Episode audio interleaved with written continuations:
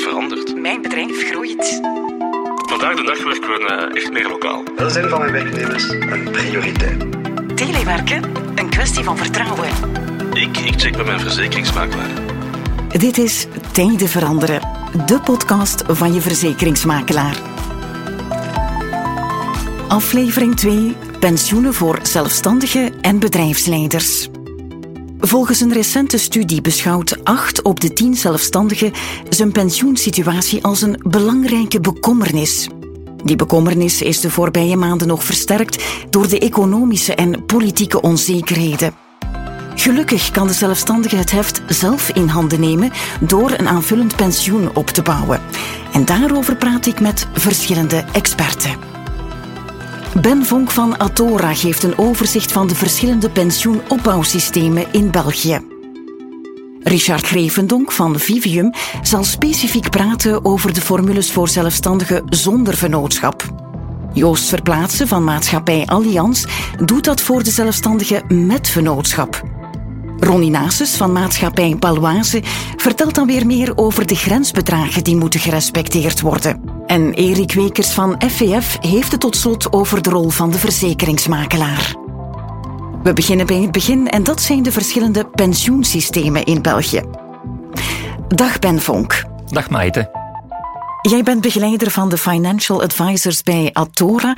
En als ik me niet vergis ben, zijn er vier pijlers. Inderdaad. De pensioenopbouw is voorzien in vier pijlers. Nu, pensioen is een terechte bekommernis voor de zelfstandigen. Als ze eenmaal tijd hebben om van het leven te genieten, dan is hun vraag: gaat er nog voldoende geld zijn op dat ogenblik? Zelfstandigen horen immers tot de beroepsgroep waar de wettelijke pensioenen het laagste zijn. En wat is dan laag? Laag, overeenkomstig de statistieken van Stadbel, op 1 januari 2021 was dat 891 euro gemiddeld. Oei, ja, dat is niet al te veel, hè? Nee, dat is niet veel. Gelukkig is niet elke zelfstandige heel zijn leven zelfstandig geweest, maar liggen die wat hoger wanneer een gemengde loopbaan is. En dat kan een zelfstandige netjes nakijken op de overheidssite van Sigidis onder My Pension. Dus gewoon even surfen naar mypension.be en daar kunnen we dat nakijken. Inderdaad. De eerste pijler hebben we dan gehad. Wat is die tweede pijler? De tweede pijler is eigenlijk het regime waarbij een zelfstandige vanuit zijn bedrijfsactiviteit een bijkomend aanvullend pensioen vormt. En dat aanvullend pensioen is fiscaal aftrekbaar. Dus er is daar een fiscale stimulus. En wat is dan de derde pijler, Ben? Wel, de derde pijler is wat toegankelijk is voor alle Belgen. Dus jij en ik. Jij en ik. En dan zijn we er bijna, denk ik, want er was nog een vierde pijler, de laatste. Ja, de vierde pijler is in feite volledig individueel initiatief die niet fiscaal aftrekbaar is.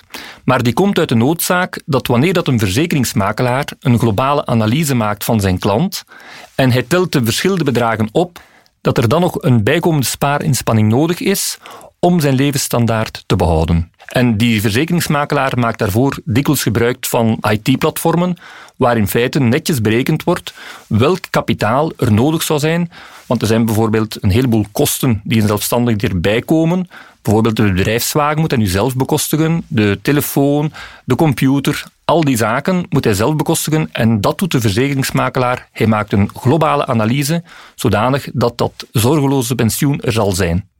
Als ik het goed begrijp, is het zo als je het maximale er wil uithalen, dat je dan toch best een beroep doet op je verzekeringsmakelaar, omdat hij dat allemaal kan berekenen. Klopt, want hij heeft de ervaring en ook het inzicht om de zelfstandige 100% te begeleiden. We hebben dus vier pijlers, Ben. Welke is volgens jou dan de belangrijkste? Mijn advies, Maite, is om ze steeds alle vier te beschouwen. De eerste pijler krijgen we van de overheid. De tweede en de derde pijler hebben een mooi fiscaal toemaatje, dus zeker te bekijken. En in functie van de behoeften van de zelfstandigen gaan we zeker de vierde pijler ook bekijken. Dat is helder, Ben. We gaan dus voor de vier pijlers. Dankjewel voor je toelichting. U ook. Dankjewel, Maite.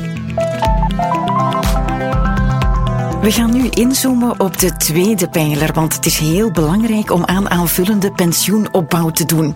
Daarbij moeten we een onderscheid maken tussen de zelfstandige met een vennootschap en de zelfstandige zonder een vennootschap. En met die laatste categorie gaan we beginnen. Daarvoor zit Richard Grevendonk bij mij. Hij is senior advisor van de CEO van Vivium. Dag Richard. Goedemiddag. Wat zijn nu de verschillende formules voor de zelfstandige zonder vennootschap? In de tweede pijler is dat allereerst het vrij aanvullend pensioen voor zelfstandigen, of VAPZ genoemd, en anderzijds de pensioenovereenkomst voor zelfstandigen, of POZ genoemd. Oké, okay, vooraleer we daar dieper op ingaan, Richard, kan je een indicatie geven van hoeveel mensen er precies kiezen voor de aanvullende pensioenopbouw? Volgens een recente enquête heeft 40% van alle zelfstandigen reeds een vrij aanvullend pensioen onderschreven. Voor POZ is dat 3%. Ook omdat POZ pas dateert van 2018. En wij hebben ook gemerkt uit diezelfde enquête dat de meeste zelfstandigen denken aan pensioenopbouw te beginnen rond hun 35. Het is natuurlijk anderzijds ook zo dat hoe vroeger men begint, hoe meer men opbouwt en hoe lager de premies zullen zijn. Dus echt wel een reden om er vroeg aan te beginnen. Inderdaad. Zullen we dan eens kijken wat precies het verschil is tussen die VAPZ en de POZ? Nu, om fiscale redenen is het VAPZ altijd het meest interessant. Het VAPZ heeft bijvoorbeeld de voordeel dat er geen verzekeringstaxen op de premies zijn. Het is aftrekbaar als beroepskost. Het zorgt dus op termijn ook voor een daling van uw sociale lasten. En op het einde is het belast tegen een systeem van fictieve rente. Het wil zeggen, x aantal jaren geeft u een stukje aan. Dus het heeft veel voordelen. Het heeft veel het voordelen. Goed begrijp. Het kan ook gekoppeld worden aan vullende waarborgen, zoals overlijden en arbeidsongeschiktheid. En het kan ook gebruikt worden in de vastgoedfinanciering om privé vastgoed te verwerven op basis van die polis. Oké, dat was de eerste categorie. De tweede was POZ. POZ, of pensioenovereenkomst voor zelfstandigen, is redelijk recent, is pas ontstaan in 2018 en is eigenlijk gemaakt omdat zelfstandigen met vennootschap hadden toen al andere systemen die meer pensioen opbouwden. Om dat recht te trekken heeft men het POZ gemaakt. POZ is iets wat aanvullend op het VAPZ wordt genomen. Iets minder interessant fiscaal, maar zou een hoger rendement kunnen aanbieden, omdat daar kan belegd worden in beleggingsfondsen. Men noemt dat ook TAC 23. Wauw, dat is een hele boterham, hè? Ik zou sowieso het VAPZ aanraden om dat zeker maximaal te gebruiken en in functie van de financiële middelen dan ook het POZ in te vullen. Oké, okay. dankjewel Richard. Daarmee kunnen we verder. Het was mij een plezier, Maite. We kennen nu de formules voor zelfstandigen zonder vennootschap binnen de tweede pijler. Maar wat zijn de spaarmogelijkheden voor zelfstandigen met vennootschap? En die vraag kan Joost Verplaatsen beantwoorden. Hij is regiomanager Leven Vlaanderen bij Allianz. Dag Joost. Stel, ik ben een zelfstandige met vennootschap. Wat is er voor mij mogelijk als het om pensioensparen gaat? Wel, Maarten, dat is een zeer terecht en goede vraag. Zelfstandigen die hun activiteit in een onderneming uitoefenen, beschikken eigenlijk over twee bijzonder interessante instrumenten in het kader van opbouw van een aanvullend pensioen. Dit is het VAPZ, het vrij aanvullend pensioen voor zelfstandigen, zoals reeds uitgelegd in het discours over zelfstandigen zonder vennootschap. Ja, dat was Richard hè, die daarvoor was langsgekomen. Ja. En de IPT, de individuele pensioentoezegging. Het VAPZ, samengevat, richt zich tot alle zelfstandigen met en zonder vennootschap en combineert een aantrekkelijk fiscaal voordeel met een aanzienlijk sociaal voordeel. En kan je daar voorbeelden van geven? Wel ja, samengevat komt het eigenlijk hierop neer dat de gecombineerde fiscale en sociale winst 60 tot 65 procent bedraagt. Met andere woorden, een groot stuk van de premie wordt hierbij gerecupereerd. De IPT daarentegen, de individuele pensioentoezegging, is enkel weggelegd voor zelfstandigen werkzaam in een vennootschap. De verzekering wordt afgesloten door de vennootschap van de bedrijfsleider, die de premies betaalt en fiscale mindering brengt. Dus hier spaart de vennootschap voor de bedrijfsleider. En het is die bedrijfsleider die de rechtstreekse begunstigde bij leven is van dat spaarbedrag. Met andere woorden, IPT is een van de weinige instrumenten om centen over te geven van de vennootschap naar de privé. Ja, wat dus zeer interessant is. Absoluut. Betalingen, belangrijk om weten, betalingen kunnen gedaan worden in tak 21. Het is te zeggen met gegarandeerde interestgoed. In tak 23 gekoppeld aan beleggingsfondsen of in een combinatie van beide. Ook goed om weten tot slot is dat de IPT het mogelijk maakt om bepaalde risico's in te dekken, zoals vroegtijdig overlijden of arbeidsongeschiktheid. En het kan ook een rol spelen bij het verwerven van een privé onroerend goed. Als ik nu al die informatie hoor en krijg van jou, Joost, wat zou jij dan de zelfstandige met vennootschap adviseren? Wel, VAPZ en IPT zijn perfect te combineren, dat is één. Maar vooral niet uitstellen tot morgen wat je vandaag kan doen. Ik zou zeggen, dames en heren bedrijfsleiders, stel de opstart van uw UPT niet uit om een aanvullend pensioen op te bouwen op kosten van uw vennootschap. Een duidelijke call to action. Dankjewel, Joost. Graag gedaan.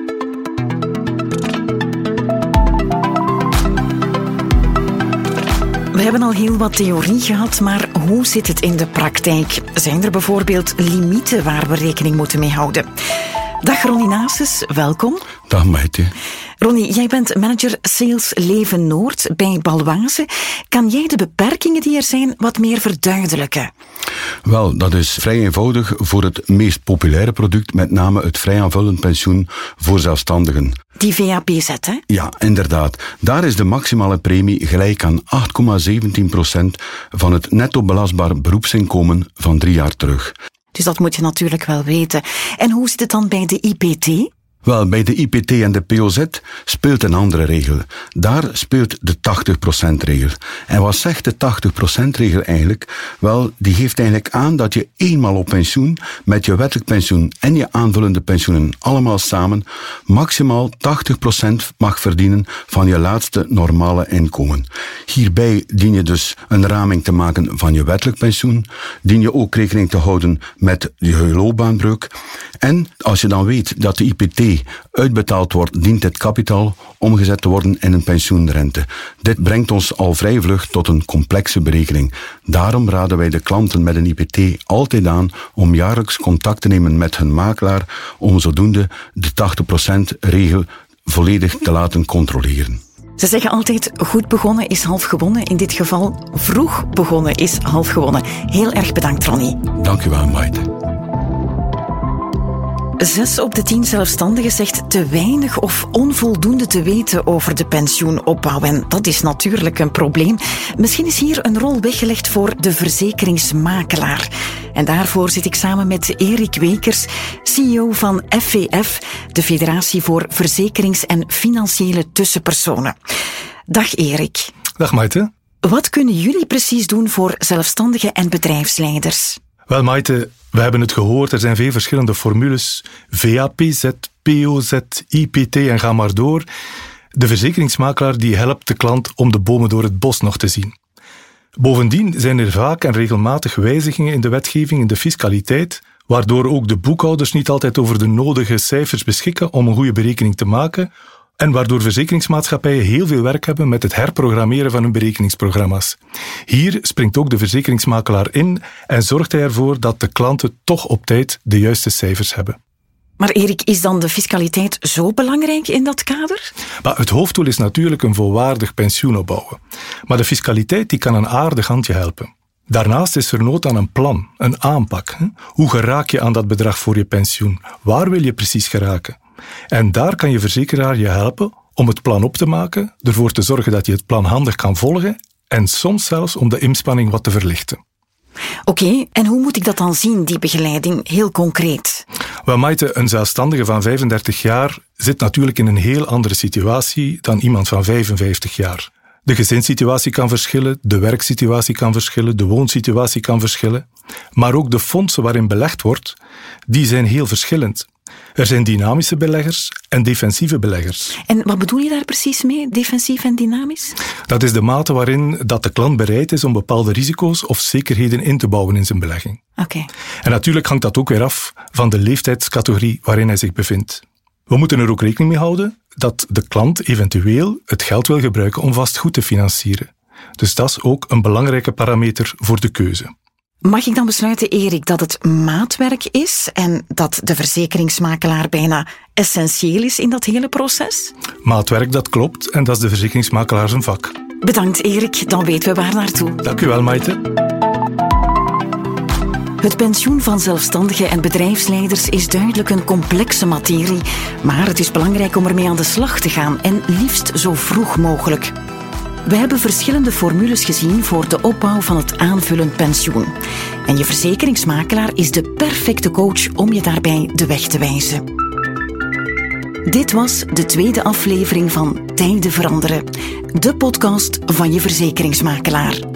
Graag tot een volgende keer.